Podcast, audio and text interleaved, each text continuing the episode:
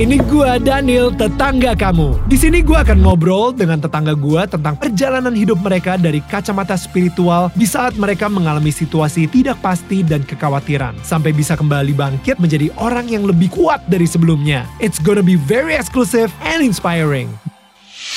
Masih ngobrol dengan Andrew White dan Nana Mirda, tetangga kita di Daniel Tetangga Kamu. Oh ya, kalian udah pada follow podcast kita belum?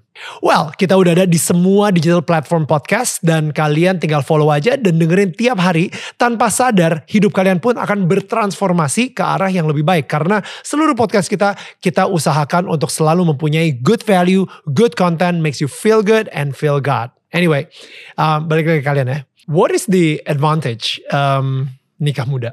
Maksudnya, you know, kayak kalau misalnya, sorry tadi Jason umur 16 ya? Mau 16. 16. Misalnya dia nikah umur 21 kayak kalian juga. Hmm. That means in 4 Yeah, years, atau four misalnya, years. misalnya, it's Ya, ya, ya, probably ya, ya. impossible. Mami Tapi- anxiety ini udah mulai anxious. Soalnya gini, that means dalam kira-kira 5 atau 6 tahun lagi, you guys will be like the hottest grandma and grandpa. in-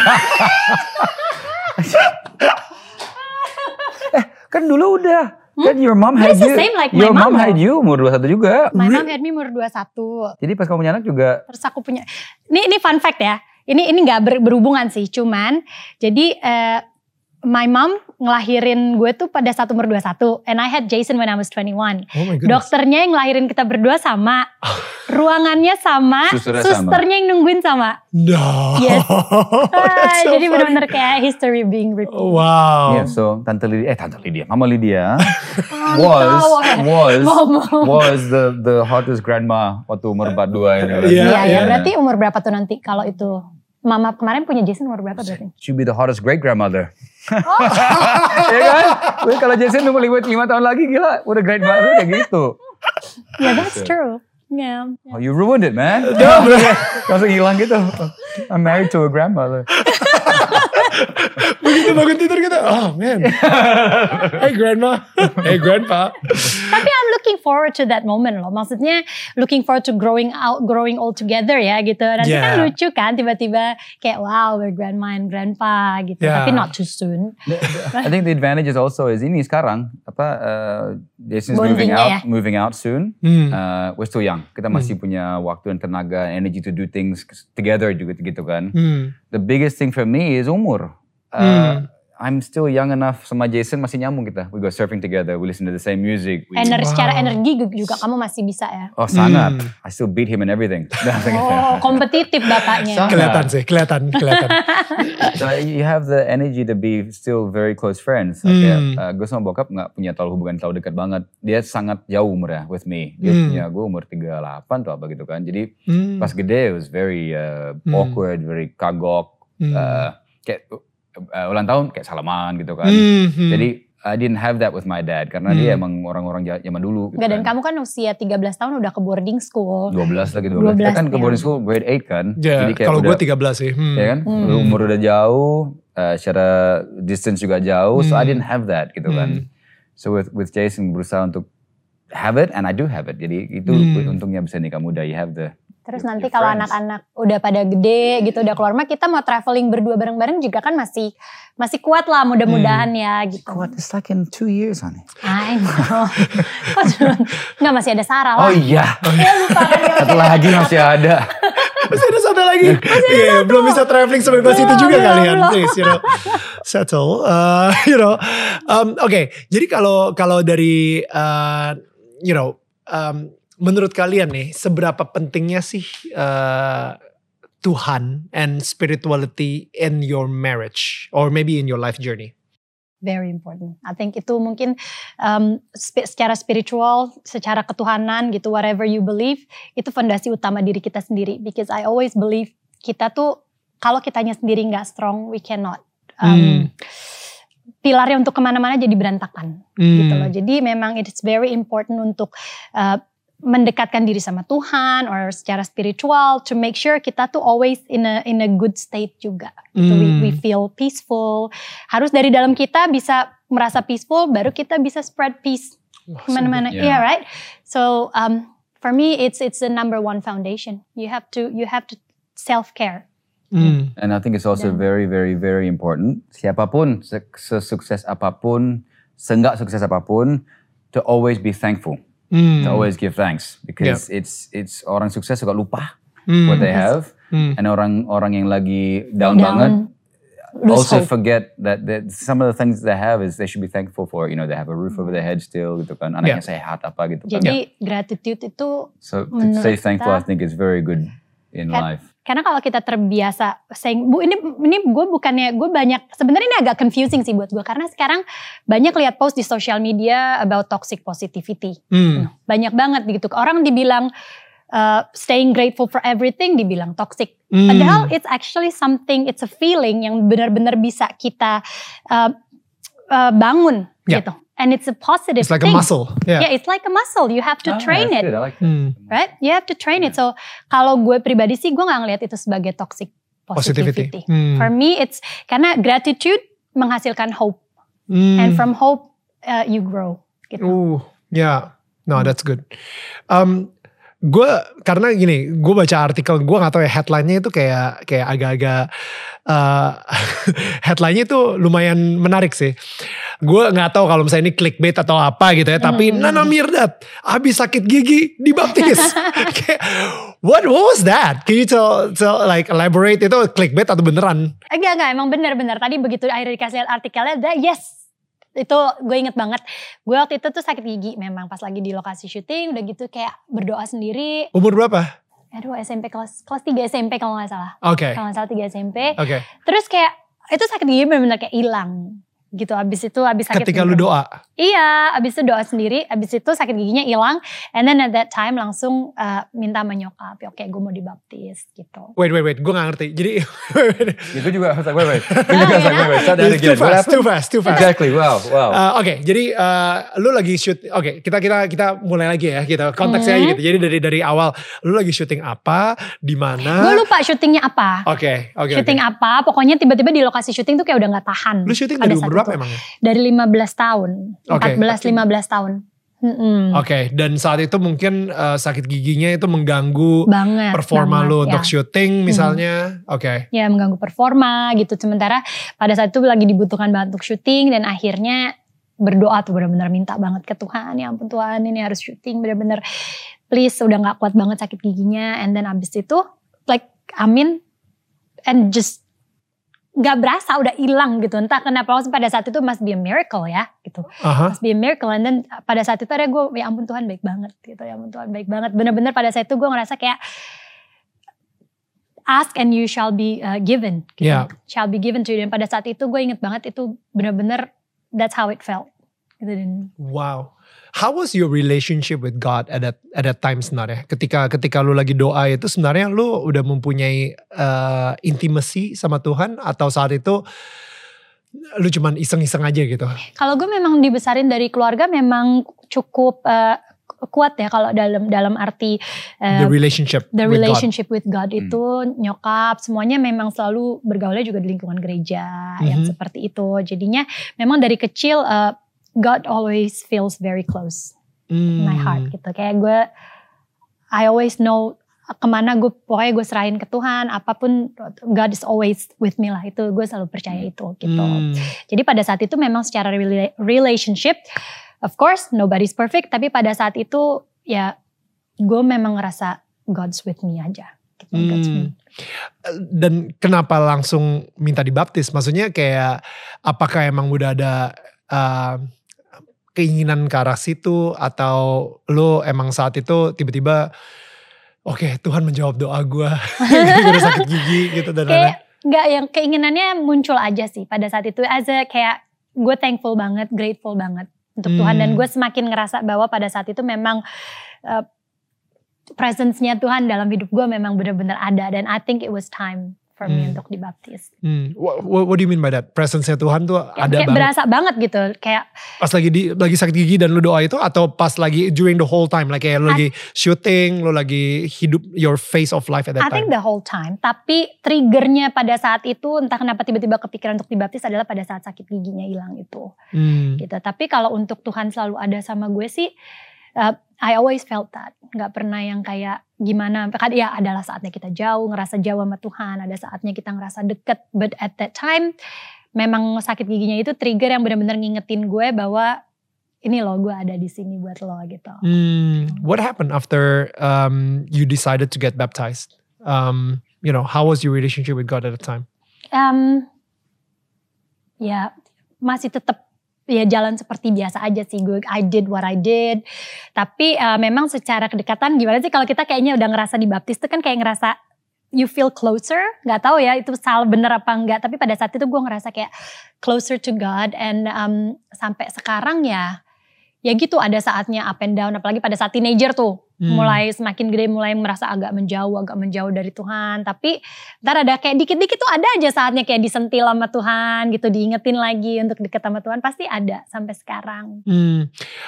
pernah gak sih kayak lo mungkin uh, ngerasa man uh, even though I mean kita kita kita nggak sempurna gitu ya. Maksudnya even setelah kita mempunyai relationship itu sama Tuhan atau mungkin uh, setelah dibaptis in your case gitu ya, lu ngerasa berbuat salah uh, yang cukup besar, tapi Tuhan masih menerima lu apa adanya gitu. Kayaknya saat-saat ini sih gue ngerasa kayak gitu. Gue ngerasa kayak maksudnya gini dengan segala kesibukan, dengan segala you know, gue ya maksudnya ada saatnya gue deket, ada saatnya gue jauh secara spiritual gitu ya terhadap hmm. Tuhan gitu. Tapi gue ngerasa kayak ya semua masih tetap kebaikan yang Tuhan kasih ke gue itu tetap nggak ada habisnya gitu loh. Hmm. Jadi itu yang bikin gue ngerasa kayak kayak agak kurang ajar gitu kalau misalnya gue jauh banget gitu loh dari Tuhan. Jadi uh, ya itu sih yang yang sampai sekarang masih kadang suka berasa gitu. Kadang gue ngejauh gitu emang disentil lo kan anak gue gitu loh. Hmm. Wow, yeah. How, how do you feel, Drew? Um, I've uh, I've often said, sering bilang sama orang, it's like sometimes I feel like you know apa kadang-kadang kehidupan tuh nggak nggak adil gitu kan. Karena I see so many people apa kerja setengah mati, you know, they work so hard at what they do. And kadang-kadang it feels like sometimes the, the path for me is just kadang-kadang is selalu ada aja gitu. And I feel hmm. it's like kadang-kadang not fair gitu kan. Kayak doors open for you doors gitu. open for me. Sometimes I, you know, I, I'm really hard, I, I work very hard. Tapi, you know, I see people that work way harder than me gitu hmm. kan. But then I'm realize like, wow, thanks. You know, I just realize that apa, always grateful, always thankful. I just feel there's always something there looking hmm. out for me all the time, hmm. always helping me, always going, no, no, no, no. No, no, no, hmm. no, no, that one, that one, that one gitu kan. Hmm. Okay, oh wow. Um, and yeah, for me and for us, I think bukan hanya what we do, mm. but how do we do that for the kids? How do we how do we ngajarin anaknya untuk juga uh, uh, do the right thing in life juga. Mm. Uh, and to always feel, be grateful to God, be grateful. yeah. And, you know, to, to find the right way in life, uh, mentally, emotionally, spiritually, and hopefully um, successfully in, in yeah. dalam tahap-tahap itu kan. Yeah. Yeah. So for me, I'm I'm not as as uh, open and very uh, vocal soal soal religion uh, uh banding keluarga Nana segala kan but we still try and teach the kids to be very open-minded, very be very grateful, very mm. happy in life. Mm. Yeah. We try and teach them also. Uh, yes, anak kita kan Kristen, mm-hmm. but there are also other ways to live life. Orang lain punya hidup pilihan-pilihan masing-masing lain-lain. Of course. Tapi kan pilih, as we said before mengenai kita, how do we teach the kids untuk kontrol diri kita sendiri aja? Mm. You know, we are Christians. Mm-hmm we we uh, live our life this way. Mm-hmm. Orang lain mau apa ya, it's up to them. Yeah. And yang penting kita bahagia dalam hidup kita, and we try not to push ourselves uh, the way we think on everybody yang orang-orang nggak mau tahu apa-apa. It's up mm. to them. You, you live your life as a Christian gitu aja. Mm, mm. Kayaknya gue jujur ya, uh, semakin dekat banget sama Tuhan gara-gara punya anak dua, ya kan? Ketika anak kedua gue lahir, uh, it it struck me gue baru ngeh kalau misalnya I don't know how to parent them. I don't know, like uh, selama ini yang gue pelajarin dari bokap nyokap gue, jadinya kayak gue. Iya kan? Yeah, yeah, uh, gak kayak gitu juga gitu. So akhirnya gue jadi kepikiran gue harus nyari guidebooknya seperti apa nih? Dan di situ sih akhirnya gue mulai jadi minta wisdom dari Tuhan. Gue jadi mulai baca Bible juga sampai akhirnya sekarang ini gue hampir tiap hari baca Bible karena I I need wisdom in parenting. Uh, I need wisdom untuk jadi suami yang baik gitu uh, untuk ke istri gue. Um, karena man, uh, you know, apalagi ngelihat Instagram post Oh. and everything, mereka selalu ada quote-quote yang keren-keren gitu menurut gue. Um, tapi kadang-kadang it's so apa ya, cuman tren aja gitu. Yeah. Oh, quote-nya Yeah. keren karena it rhymes gitu misalnya. Yeah, yeah. Uh, but at the same time, this is not this is not from God gitu. It's not the Hmm. truth gitu misalnya. Jadi sehingga akhirnya gue saking gak tahu mau uh, gimana jadi parents buat mereka, in the end I become more spiritual sih. Dan kalian sendiri, kalian setuju gak sih kalau misalnya parenting itu benar-benar ngerubah kalian 100 you, it transform you guys gitu. Yeah. Of course. 180 degrees gitu, you know dari yang Nana sebelum jadi parent seperti apa, Andrew sebelum jadi parent uh, seperti apa, sampai sekarang ini it's like because of parenting you become such a different person gitu.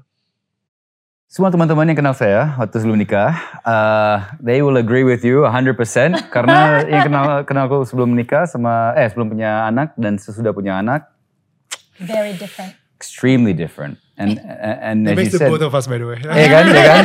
Dan you're right, nggak ada bukunya, nggak ada Yeah. bukunya ajarin sampai pertama kali gendong bayi aja kayak ini bayi lu, "Ah, waduh, waduh, ditaruh, Yeah. yeah. like, bener gak nih? Bener gak nih? Eh, We don't know. We have to have some way of knowing. Dan kalau orang tua kita ngajarin juga, mereka pun they have more experience, tapi Hmm. mereka punya waktu itu nggak tahu juga. Tapi itulah kenapa akhirnya gue ngerasa perlu mendekatkan diri sama Tuhan lagi gitu. Perlu mendekatkan diri dan terus uh, mencoba lah gitu. Mencoba untuk selalu jaga hati, mendekatkan diri sama Tuhan. Karena it's a base of parenting juga gitu. Yang kayak lo bilang tadi itu bener banget. Karena gue Hmm. ngerasa banget gue dibesarin di keluarga yang punya pegangan lah gitu. Jadi ini bener yang orang bilang kalau misalnya lo sejatuh-jatuhnya lo gak akan sampai jatuh banget. Mal- Itu tuh bukan maksudnya keadaan situasi di luar, but here gitu Di hati. di Hmm. hati. Jadi sesusah apa pun yang lagi kita rasa, penting untuk tahu bahwa lo selalu dipegang sama Tuhan. gitu. Wow. Jadi um, dan gue mau gue tumbuh besar sangat nyaman dengan perasaan itu. Jadi dan gue percaya itu juga yang akhirnya mungkin ngebuka jalan gitu. Karena akhirnya di saat lo percaya ya jalannya dibukain buat lo di saat lo berpegang terus gitu loh. Nanti Hmm. akan ada saatnya jalan dibukain. Dan gue pengen anak-anak gue juga bisa tumbuh with that kind of love. Hmm. Hmm. Jangan sampai nanti suatu saat nih kan kita pasti akan ngelepas anak kita gitu loh. Ya. Dan mereka nggak punya pegangan apa-apa itu yang gue takutin.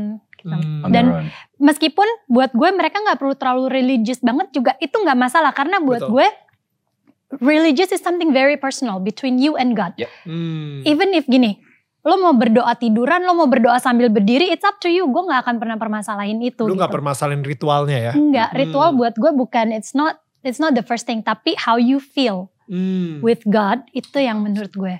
Hmm. Ya kita nggak, we have a principle kita nggak pernah mau maksa anak untuk mikir A, mikir kayak B, you have to do this, you have to do that. No, we Hmm. try and teach them the values Hmm. Ya, of the religion and how, how to to live like a Christian, not the the routines or the the gimana gimana ya. Jadi mereka kan, I want them, I would rather them be them uh, kasarnya, I'd rather them not go to church, but be really nice to people. Daripada Hmm. mereka gerejamu tapi semua orang kayak lihat ke bawah apalah. I want them Wow. to be so truly nice people instead of looking like nice people gitu That's kan. so good. Ya, makanya We don't Kalau- force them to do anything. kita bukan tipe orang tua yang kayak harus duduk lo sebelum makan berdoa dulu. Lo harus berdoa atau sebelum Hmm. tidur lo berdoa. Gue nggak pernah kayak gitu sama anak-anak. I will teach them that but yeah, it's, but we it's nice to to do them. that. Tapi pray when you feel like praying. You want do you them- have something to be grateful for today? Then pray. We Send want your them to do it gratitude. themselves. Hmm. Kita nggak tetap pasti kita kasih rutin. We say so, so what we do, so mom Hmm. does, you know. Hmm. If you want to do it, it's great. If you don't, okay, we'll we'll see next Maybe tomorrow, tomorrow. We'll you'll try feel tomorrow. you Right. want to. Jadi gitu. mereka naik Wow. pas gede, pas udah dewasa, they do it because they want to. Ya karena ada tujuannya adalah mereka harus punya kemauan itu di diri mereka sendiri. Kalau dari kecil mereka udah selalu dipaksain harus begini against their will all the time, they're not gonna do it Be- begitu Yep. nanti mereka lepas dari kita gitu. Ya, ya, Hmm. exactly. Kayak apa yang terjadi dengan gua, to be honest. Hmm. Yeah, right? Yo, pa, man, pas di Aquinas tuh ketika gue di boarding house, freedom! Emang, emang, emang, emang. Yoi, udah wah gila udah nggak ada my parents are not here. Udah ngapain gue ke gereja? Ngapain gue udah emang, freedom. emang, emang. You know, party mulu kerjanya. Oh, Ya. eh, sih, gue, gue, gue Oh. belajar lu, dulu. lu lu, lu gue di- belajar. Gue inget Gua- ketemu lu di perpustakaan deh men, the library. iya, iya, ya iya, kan? gua baca library. mulu, gua sorry, sorry, nama nama klubnya library. Iya, iya, iya, iya, iya, iya, iya. Oh, nama klubnya Nama library. klubnya library. Reading club. Bibliotek. Lebih- itu lebih possible sih. Gue lebih percaya cerita itu. Wah, you're, you're right. After keluar dari situ, it's just right? di karena kan di, di asrama kan kita kayak mau nggak mau diforsir juga kan. We had to go to church and then we had to do. Did you do the the morning kan? Hmm. Yeah, Giliran morning kan? mass. The morning mass kan. Yeah, Giliran yeah, kita yeah. harus jadi the choir, apa, uh, altar boy. altar boy-nya Ya, kan. ya, ya. Jadi kan uh, in my mind, terus another thing yang waktu di, di sekolah itu kalau kita, dia sih nggak pernah nakal sih. If you get attention, Gardening. kalau attention, gardening atau harus nulis Alkitab. Oh really? You have to, have to write out the Oh Alkitab. gue gak separah itu hidup gue. Oh. Berarti dia gue kan attention mulu. ketahuan ternyata dia dia levelnya lebih ini lagi. Karena kan kita mikir kan si Pak siapa namanya dulu, he's like write out one page of the Bible. It's like, oh ini mah gampang, ini paling 15 menit pulang gue. One page, kelihatan kecil kan, you coba nulis pakai tangan. Eh, Dia, dia one page Bible translate-nya kayak 30 page Oh. tulisan kan. Oh Jadi udah goodness. kayak, ah this guy beneran. Jadi kan mau nggak mau, I didn't want that to happen to my kids. Aku nggak mau anak kita ngerasa kayak apa agama tuh kayak diforsir di mereka, Hmm. kayak ngerasa kayak mereka kayak you have to do this, you have to do that Ya, ya. we teach them obviously kayak this is what you should do this is what other people do this is Hmm. what you know we were told to do tapi I, I want you to want to do it kalau nggak mau ya oke we try again tomorrow It's the feeling yang nggak bisa dipaksain. The ritual itu bisa banget dipaksain. But but gimana caranya supaya anak kita Wow. have that feeling that Wow. they they want to be with God. Mm-mm. You know? It- Wow, I like that. Ritualnya itu bisa dipaksain, tapi feeling dalam arti kayak cinta, ya Hmm. gak sih? Eh, ngerasain cintanya Tuhan sama mencintai Tuhan balik itu nggak pernah bisa dipaksain Iya. sih. Nah, Ya. dan kalau dipaksain malah jadi bisa Hmm. you get the, the reaction Dan justru harus dibuild dari kalian juga gitu. Iya. Karena gue sangat setuju. Di mana ketika kayak gue gitu ya, nggak tahu, I don't know about Andrew ya, karena Andrew kayaknya eh, nggak pernah separah gue gitu. Cuman Hmm. sebajingan-bajingannya gue tetap aja there is ada ada hati kecil gue yang bilang that's not right you know Iya, itu Yeah. that inner voice. the dari inner voice gitu Kayak, fondasi yang udah diterapin sama orang tua gue um, yang yang karena orang tua gue ngelepas gue ketika gue lagi puber gitu maksudnya ketika umur 13 sampai umur 17 di high school gitu kan itu lagi you know hormonally kayak you know Hmm. oh, parah Iya. Uh, pengen party, pengen pengen goblok-goblokan sama temen dan lain-lain gitu. Tapi ketika when I did that, um, nggak tau, zaman gue dulu escapade bro, kalau misalnya di Perth itu Escapade. klubnya. Oh, iya, iya, Ya, iya, iya. Itu, ya. itu um, gue that was my first time drinking uh, alkohol dan gue bener-bener kayak tidur di pinggir jalan gitu and the next day gue ngerasa guilty at least gue masih ada rasa guilty Yeah. tersebut gitu Iya, iya. untuk gue tidak melakukannya lagi misalnya Iya. seperti itu. Hmm. Tapi kan kalau misalnya kayak lu bilang kalau fondasinya itu nggak ada, udah bablas, Iya, mau lo udah mau dipaksain ritual kayak apa pun juga, bablas, bablas. bablas. Hmm, karena lu nggak punya apa sih orang bilang hati sanubari mungkin ya gitu ya. Hmm. hati sanubarinya tuh di dalam lo nggak ada gitu jadi Hmm. percuma kita maksain orang sampai kayak gimana kalau they Hmm. don't they don't feel it That's why we try, kita berusaha untuk ngajarin dari kecil. Hmm. So kayak kayak as a seed ditanam gitu kan Hmm. soal uh, everything in life, prinsip hidup mereka segala macam. Hmm. Karena kalau kita berusaha ngajarin dan paksain pas mereka udah di umur 15 kayak 16, Hmm. 17 it's nearly too late. Mereka Ya. udah gede gitu kan. Ya. You cannot say pas tiba-tiba 17, don't do this. Eh kan mereka juga what? Hmm. Kayak harus Udah. dari kecil diajarin pelan-pelan, do this, do this, do this, do this. Jadi That's pas good. mereka gede, mereka kuliah di luar, kita sebagai orang tua tenang, nyaman, and we know he'll make the right decision. Hmm. Tiba-tiba teman ngajakin, eh let's do this yuk. Hmm. Kayak dia akan, course "Ah, I want to do try." it. But actually you know what, that's not a good idea. That's what tujuan kita, untuk anak kita bisa tanpa kita, jauh dari kita, they can make the right decision gitu kan. That's so good. That's hard. Ya, ya, it's it's hard. tapi kita berdua tuh mungkin agak aneh ya tapi kita malah mau anak-anak kita tuh you try everything Hmm. karena menurut kita ya lebih baik kalau mis memang semua orang pada akhirnya pasti akan nyoba Hmm. nggak mungkin nggak nggak maksudnya nyoba maksudnya pergi keluar lah Hmm. pa- pastilah di saat Nggak- nggak mereka ke drugs juga oh, dong. no, Maksudnya Ya, maksudnya bukan, like, jangan what- try I everything. don't know, what are you talking about? Nggak maksudnya you go out with your friends gitu loh. Jangan kayak di rumah aja terus gitu. Karena mendingan kayak you try everything but you have a, a good not everything itu everything salah. You try try a lot of things and then you and then you make decision on what's good for your life gitu. Hmm. Yeah, and, Itu and yang pengen kita. I mean, yang penting ya as, as, as she said, we, we want him to try and try life, nyoba. Hmm. karena banyak gimana. orang yang akhirnya bandelnya telat. Ya, Iya karena baru kan? bebas Bener. umur berapa Mm-mm. gitu. Hmm. Ya, lebih kan ya begitulah. Eh, kok saling lihat-lihatan gitu ya? Tapi sebenarnya dia bilang I want to try everything. I'm like, huh? No, itu kan salah maksudnya gitu, bukan like, try everything ke drugs lah. Try a lot of things Try gitu. Try life. I think try, that's, try life. that's kayak, so good. kayak contoh uh, dia penegaulan yang agak salah, you know, uh, sempet lah anak-anak SMP kelas 3 SMA kelas 1 kan mulai gaulan yang gimana-gimana. Sekarang balik lagi, you know, pas pandemi juga, ya gitu deh. Uh, sempet kayak bilang, oke, aku mau dia pergi sama teman-temannya, dia be home by 8 gitu kan. Hmm. Tetap pulangnya 10, nggak ada Hmm. telepon, nggak ada apa. Hmm. Nah kita kan Ya. daripada what have you been, blah blah. It's just that aja diskusi, hey man, what happened? Hmm. Jadi kayak what, what happened? Why? It's like oh yeah, I know I was wrong gitu kan. Hmm. Dan kita selalu eh, berusaha untuk not to do this all the time. Right. Lebih ke you want to talk about something that eh, eh, what happened? Dan karena kita pernah ngerasain sendiri tanpa orang tua, Hmm. adik-adik zaman dulu belum ada internet. Zaman dulu belum ada telepon handphone ya zaman kita kuliah boarding house ya. Jadi kita umur 12 tahun, 13 tahun harus jalanin puber, jalanin semua frustrasi, jalanin semua kepusingan, emosi sendiri. Ya. Ngomong ke teman nggak mungkin lah, apalagi ke kakak kelas yang tua-tua, cowok-cowok mana kita Hmm. bilang I miss my mom kan nggak mungkin. Adanya Ditaplok, diketawain, langsung iya dibully. ditaplok. Jadi Iya. Because we went through it, kita Hmm. tahu beratnya kayak gimana. Hmm. I think it's good for us. Kita bisa translate ke anak-anak kita. So I That's can so say, I, kadang-kadang dia bangun kesel aja saya kasih Jace it's okay. Hmm. Kalau kamu bangun tiba-tiba marah, I understand. Kamu lagi kena kuber, hormonmu lagi parah, testosteronmu lagi di mana-mana. It's okay. Wow. Just say it to us. I don't, I'm angry today. Okay, no worries. Hmm. Jadi pas dia pulang daripada dia bilang, lu dari mana ya? Hmm. Lu kamu tahu mamamu lagi stres, tahu gak? Hmm. Cuman we sat down, it's like, hey, what happened? It's like, no, I know I did something wrong. It's like, yeah, it's okay. These things happen, you know. Just Hmm.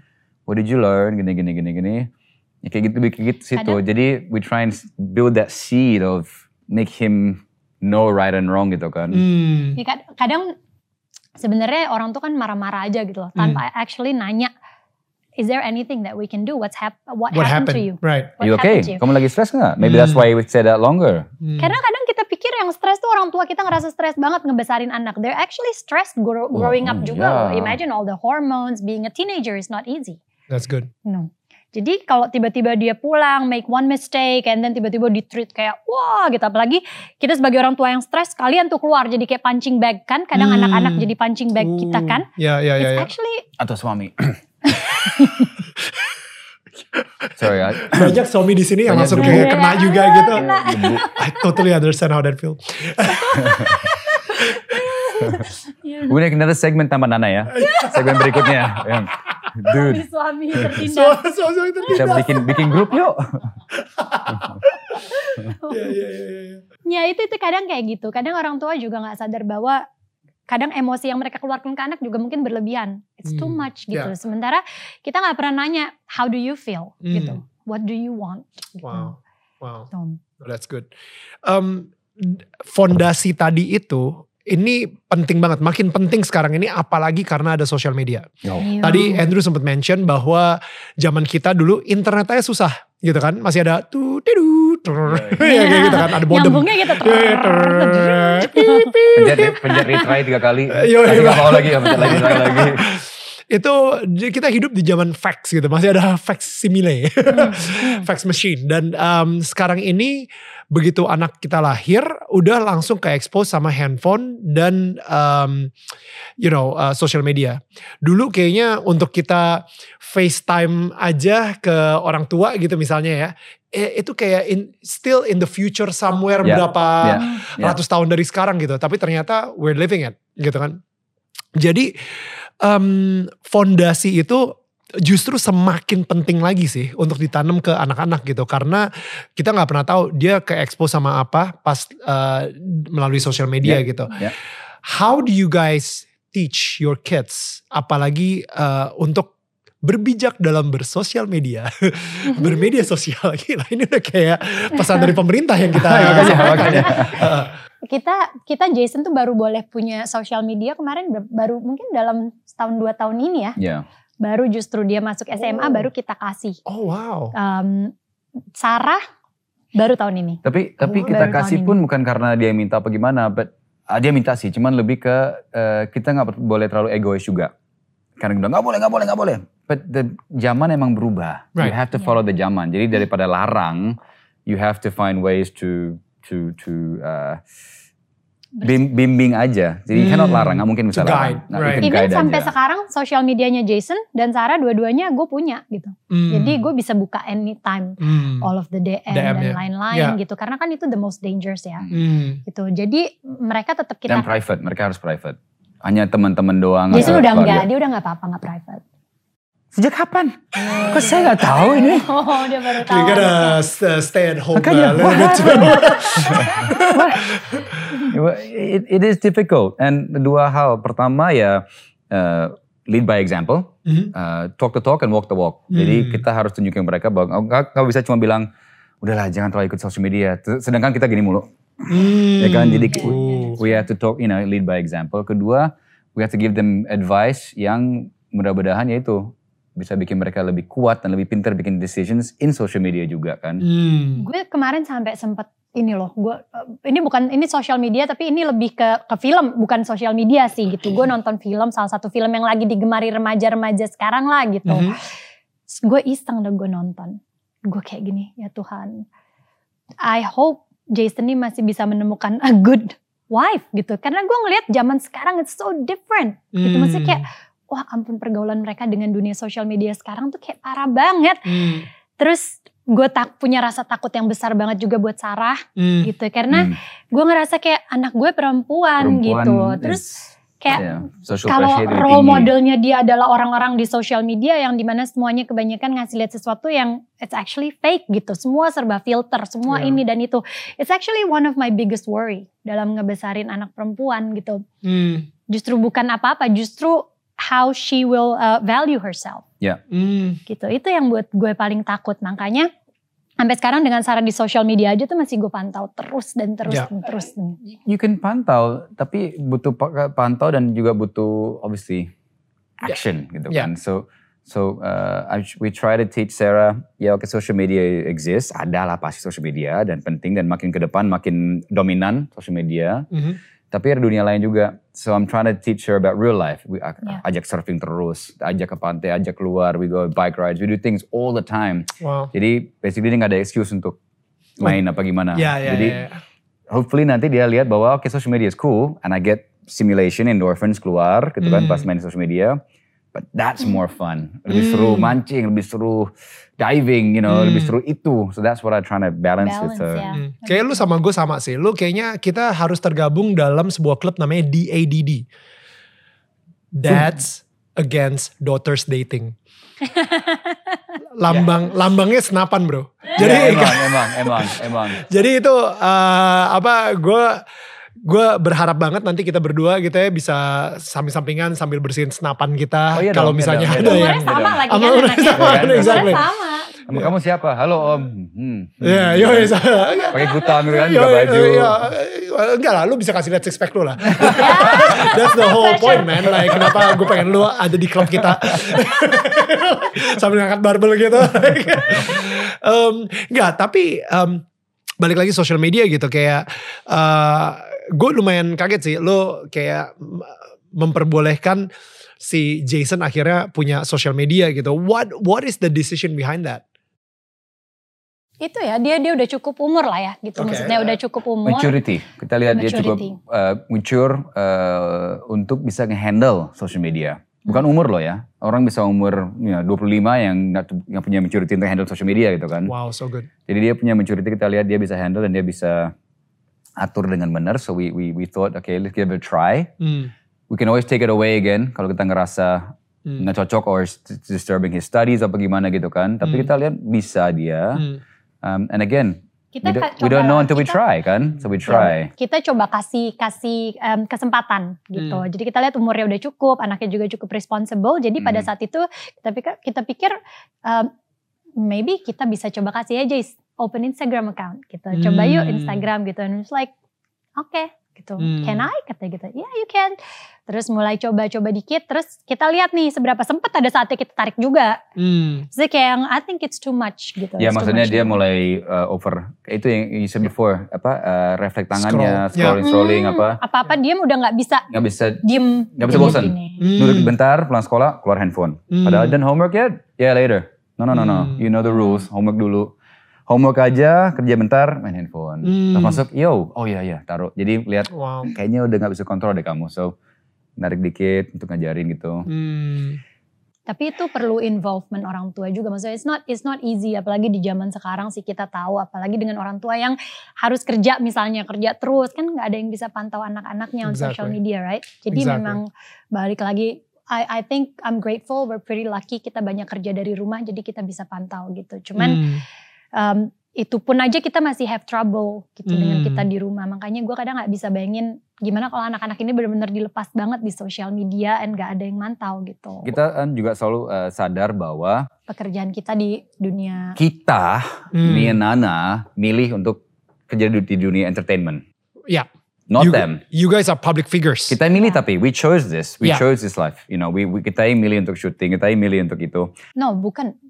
Masa kita yang milih? Iya, mak oh, maksudnya kita bisa say no, say yes, it's up to us gitu kan. Yeah. We, we are the ones in charge of our careers and stuff. Ya. Our kids never chose untuk jadi terkenal apa enggak. Hmm. Ya kan gara-gara kita posting ya mau nggak mau orang kenal mereka gitu kan. Hmm. They didn't choose that. We chose this. Jadi nggak fair untuk uh, mereka dipaksa untuk harus di foto mulu kapan pun mereka lagi makan di foto apa apa kita posting-posting terus. So kita bikin keputusan untuk selalu minta izin sama mereka. Ya. Kalau kita fotoin mereka, kita rekam mereka, kita selalu minta izin ke mereka. Pertama, can I take a photo? Even Yang to kedua, Sarah ya. even to Sarah. Sarah kita pasti And then- minta izin. Minta izin sebelum foto. Uh, dan kalau mau posting kita kasih lihat dulu, can I post this? Hmm. And mereka bisa lihat, no I don't like that. Okay no worries. Atau bisa bilang, ya sure. Makanya Jason yang udah remaja, udah cowok lagi kan, nyaris nggak ada di Instagram kita.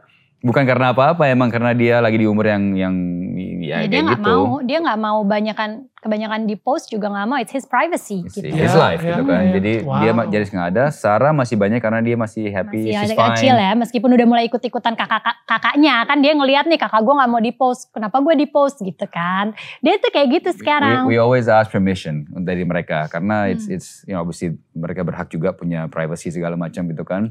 Always ask kita saya kena post this, saya kena do this. Kalau dia enggak ya enggak. Awalnya kan mungkin mungkin buat orang yang ngikutin sosial media kita dari anak-anak masih kecil, itu mungkin lihat tuh semua sosial media kita tuh kan kayak anak-anak semuanya. Tapi Hmm. semakin ke sini emang drastis banget sebenarnya kita kurangin, Hmm. because kita men- kita mencoba to respect them as well gitu. Hmm. Satu dari segi safety, Hmm. dan kedua juga they're human being they have cho- they, they have to have a choice juga apakah mereka Wow. tuh mau nggak sih sebenarnya seluruh Indonesia ngelihat mereka gitu loh Lihat mereka baru bangun, lihat mereka makan, lihat apa kan. Wow. If they want to terjun ke sini, oke, kita banyak pengalaman obviously, so we can teach them and show them. But Hmm. it's something that I think is very important zaman sekarang. Anak-anak jangan terlalu uh, di expose diekspos dan diekspektasi untuk ikut mak-maknya. Kan sekarang tuh banyak Instagram mak-mak Instagram tuh dikit-dikit anaknya difotoin mulu, di- dikasih lihat. Tapi Mereka masih man- mandi pun ditaruh Insta story tapi dikasih lama Hmm. ditutupin sih. Ya, It's ya. But it's Actually, like you don't you don't know Yeah. what is happening with these photos and stuff kan. Yeah. Jadi kayak uh, let's just let the kids be kids. Hmm. Biarlah mereka jadi anak. Hmm. Hmm. Mereka akhirnya jadi posters. Mereka eh, kayaknya yes that's true semudah itu untuk posing gitu karena nyokapnya, well bokapnya gue juga uh, I'm guilty of it gitu ya karena setiap kayak lagi ada ih ini lightingnya lagi bagus eh yuk foto yuk foto yuk dan Yeah. habis itu juga mereka udah set gitu Yeah, secara yeah, udah yeah. post posting aja gitu anak-anak udah punya satu sebutan mungkin karena kita selalu bikin story dan lain-lain gue kemarin kaget tiba-tiba anak-anak gue tuh pada bercandain bilang apa itu mami laugh atau Mama. mami scream jadi katanya ada cara gue teriak itu itu that's her social media scream Maksudnya cara dia, dia kata ya, kayak ketawa excitednya scream apa excitednya kita selalu tahu kalau mami lagi instastory Lagi apa enggak. instastory apa enggak. Karena beda sama kenyataan. And, Oh wow. and she was like, "What really?" And Jason's like, "Yeah, mom, you're bukan different." bukan beda sama kenyataan tapi that particular ini pasti ya acting gue depan kamera bukan acting it's, it's just No, no, yeah, posing for ya, sure. iya. my posing gitu Iya, karena beda. Kita, gue begitu kamera nyala, Daniel Mananta eh, mendadak berubah jadi VJ Daniel. Nice. Iya, iya, iya, iya, iya. yeah, yeah, Iya. You know, we have our own different. Iya, uh, cara kita Iya, Yeah. uh, uh, apa approach people Iya. gitu kan tiba-tiba itu ternyata anak-anak ini ngelihat banget gitu Hmm. Ya banget oh that's that's sementara mami yang biasa sama mereka kan ya udah santai aja gitu kan Right, right, and right. apparently they see that sampai Wow. mereka bisa lihat that's mommy's taking a story gitu lagi Wow. making a story But, but also we try and teach them we are gimana ya uh, di social media sekarang banyak kan orang cari viral, cari sesuatu untuk naikin followers segala. And itu as you said tadi sejak you, the apps deleted, you don't care about the followers apa? Oh, enggak, sorry. Hmm, bukan Ya, gitu Uh, Enggak, ini uh, out of context Out sih, of tapi context. gue gue gue jelasin maksudnya- dikit ya. No no, I mean like gue jelasin dikit aja. Uh, gue baru bilang sama Andrew sama Nana juga bahwa uh, tadi pas lagi kita break bentar, kalau misalnya gue ngedelete uh, aplikasi Instagram dari handphone gue gitu. Hmm, Jadi hmm. um, the thing is, uh, gue punya dua asisten. Hmm. Jadi what I do is uh, gue kirim ke mereka foto gue atau mungkin video gue uh, sehingga mereka yang upload. Kenapa? Permasalahan di gua ini ini gua banget ya. Ini untuk gua. Gua ini orangnya gampang jatuh ke nothing box tadi itu yang kita Yeah. ngomongin gitu. Di mana ketika gua masuk ke ketika lagi PW dan lain-lain, gue mulai scrolling, itu gue nggak bisa ngeberhentiin diri gue sendiri. Padahal gue tahu otak gue bilang ini kerjaan banyak, kerjaan lagi banyak, don't get distracted. Tapi for some reason I just wanna keep scrolling, scrolling, Yeah. nonton video bentar, Yeah. scrolling lagi, scrolling lagi. Yeah. Jadi daripada gue scrolling, mendingan gue delete aja. What I do is I upload my stuff, tapi I don't scroll. Ya, Instagramnya tetap ada, Iya, because iya, iya. uh, you know kerjaan gue di situ gitu. Iya. Mm-mm. Jadi gue gue upload, tapi yang sorry, yang upload asisten gue, tapi gue udah udah berhenti tuh nge-scroll gitu. Karena itu yang paling gue pernah sih sebenarnya delete Instagram account gue Mhm. Jadi pada saat itu gue bilang post story gue bilang I'm sorry gue harus delete Instagram. Hmm. Banyak yang bilang uh, only for a few days. Gue bilang Hmm. karena that scrolling thing is the most dangerous thing Ya, gitu. Terus karena gue banyak yang bilang kenapa nggak di nggak dibuka aja appnya nggak bisa. It's it's too distracting karena Exactly. kebiasaan kita dikit-dikit scroll, Hmm, scroll, exactly. scroll, and looking at other people's life all the time. Hmm, Itu hmm, yang yang akhirnya bikin kita selalu ngerasa kok gue not as good. Kok gue hmm. begini gitu? Why is she better than me? Kenapa seperti itu tuh? Gila ini yang ngomong Nana Mirdad loh, by the way, you know, like why she, why why am I not as good? You know, like like seriously, like Pada akhirnya kita jadi seperti itu gitu. No Wow. matter who you Cowok- are. Cowok lebih nggak peduli ya. Cowok mah like, meh. Iya, iya. Tapi emang, eh, tapi- tapi that's the nature of of perempuan, of human. of of human Humans, maybe. yeah. Tapi Yeah. mostly maybe eh, ya mungkin laki-laki juga. Tapi untuk seorang perempuan kita ini kan sangat kompetitif di dunia kecantikan gitu Right. loh. Apalagi lu punya uh, makeup makeup line Hmm. juga, right? Uh, Iya. Namir, right? Iya. Uh, Dan jadi kayak selalu gue ngerasa banget I'm not good enough gitu. Dan gue hmm, Padahal kayak gue ngeliat orang itu ya biasa aja gitu. I have I have what I have and I should be thankful. Tapi kalau lo udah kebiasaan scrolling scrolling scrolling, in the end of the day it's eating you. It's still masih Hmm. tetap aja sesuatu yang nggak bisa terjadi dengan sendirinya automatically. Jadi the only way to stop it is to put it Delete. aside and Yeah, delete. that's a good idea. That's it. That's a good idea. Hmm. I like that. Tapi again ya ini karena gue punya dua asisten gitu. Maksudnya, you know, kalau misalnya lu gak punya asisten ya, ya, you know, like, um, no, but some people it's okay. But uh, tadi yang kamu bahas adalah anak-anak.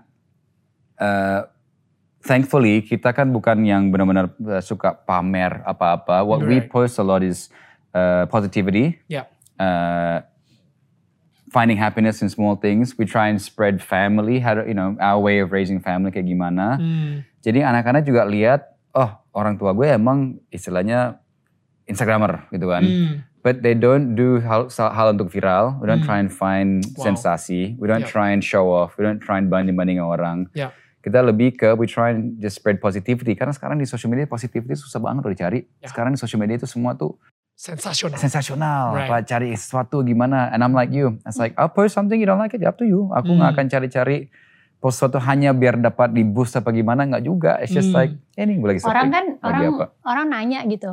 Uh, beda so, nggak? so hopefully Hmm. anak-anak kita juga lihat social media can be good used for good as well. Ya, Nggak cuman buat Mm-mm. look how pretty I am, look how Ooh, Look how good my car yeah, look how good is, my this something. is. That's good. Mm-mm, Jadi social media is okay as long as lo pilih-pilih lah kontennya apa yang lo lihat Betul. gitu. Um, ada yang sempat nanya sama gue gitu kayak dan menurut Daniel sosial media itu merusak nggak sih sebenarnya kayak Hmm. gitu ya itu sebenarnya sebuah kejahatan nggak what is it is it good or bad you Hmm. right uh, for our generation gitu gue bilang gue selalu bilang well you know what Uh, every single tool yang kita punya di dunia ini it can be good or it can be bad Ooh. Right? Maksudnya pisau itu bisa lu bikin um, sushi terenak di dunia ini atau lu bisa buat untuk ngebunuh orang. Ya. Uang lu bisa gunain buat donasi atau lu bisa um, menghancurkan hidup seseorang, Ya. right? So same thing with social media. You know, uh, as long as you know how to use the tool, uh, bagaimana cara lu uh, membangun orang lain. Jadi ini ini selalu yang gue tanyain ke diri gue sendiri. Apakah sesuatu yang akan gue lakuin it's not about good or bad. Ya. Apakah ini membangun atau menghancurkan? Udah itu aja. Ya. Is it building people? Is it making Indonesia a better place? Hmm. Or is it destroying Indonesia? Yep. Or is it destroying someone else? Gitu. Ya, Ya. dan gue percaya itu tanggung jawab eh, tanggung jawab kita semua juga gitu. Because Hmm. apa yang kita lakukan sekarang ini dilihat sama semua orang. Hmm. Jadi setiap orang tuh harusnya eh, mau followersnya 20 juta, mau followersnya 80 ribu, Hmm. kita tuh harus sadar Call bahwa kan, call key opinion leaders. Hmm. Jadi Kita- opini kita ya dilihat banyak orang. ya, Hmm. kita harus punya kesadaran bahwa what we do matters. Hmm. Apa yang kita posting on social media, as you said, apakah ini membangun atau menghancurkan gitu Ya, loh. ya. Harus kita sendiri harus bertanya balik ke diri kita Hmm. gitu karena people don't understand damagingnya seperti apa tuh people yang orang-orang yang melihat gitu. Jadi Exactly. even orang keep posting on social media this and that, but kadang-kadang it's not only postingan aja, it has effects on other people. Ya. Gitu. Absolutely, absolutely, guys. Um, I think uh, we have to wrap up. Ya, ini uh, udah satu jam 53 menit kita ngobrol. Oh my god. Wow, nggak berasa. Dua jam loh, guys. Ini ngoceh kita maaf. No, no, no. I love it. I love it. This is so good. Dari kalian semua itu benar-benar kayak values that you guys have. Itu benar-benar berguna banget buat gue dan juga pastinya pada tetangga-tetangga kita juga gitu. We learn so much from you guys. Nah. And we learn uh, from each other. Yeah, and uh, I think you know, uh, makanya gue nggak kaget sih dengan values, dengan fondasi yang kalian punya, kenapa orang-orang bisa ngeliat uh, how authentic you are dan membuat hashtag couple goals itu Oh. untuk kalian. You see what I mean? Um, Cause like seriously, like uh, I I really like your authenticity. Uh, nggak nggak kalian nggak kayak oh no no no, you know everything is just uh, semuanya berbunga-bunga dan lain-lain gitu. Tapi it's it's it's just real, it's just authentic, and uh, it's you're not faking it gitu. And uh, I really enjoy this conversation. Thank, Thank you so you. much We again. also enjoyed it so much. Thank you man. so much, You haven't man. changed, ya dari dulu ke sekarang sama dia. Positif positif terus. I love it. Thank you, thank you. Lu, lu juga. But anyway, um, kepada semua tetangga kita, kalau misalnya kalian suka banget episode ini dan kalian pengen nge-share ini ke teman-teman kalian karena ini kayaknya bakal valuable banget buat pernikahannya mereka atau mungkin uh, bagaimana cara mereka parenting, bagaimana handle social media untuk anak-anak. I think kita dapat value yang banyak banget dari Andrew dan juga Nana. So, um, guys, yang pastinya kita sebagai tetangga di Indonesia itu selalu menyangga dan bukan menyanggah. I'll see you guys again next week. Bye. Thank you so much guys sudah mendengarkan podcast Daniel Tetangga Kamu. Dan jangan lupa di follow podcastnya dan share ke sosial media kalian menggunakan hashtag Daniel Tetangga Kamu.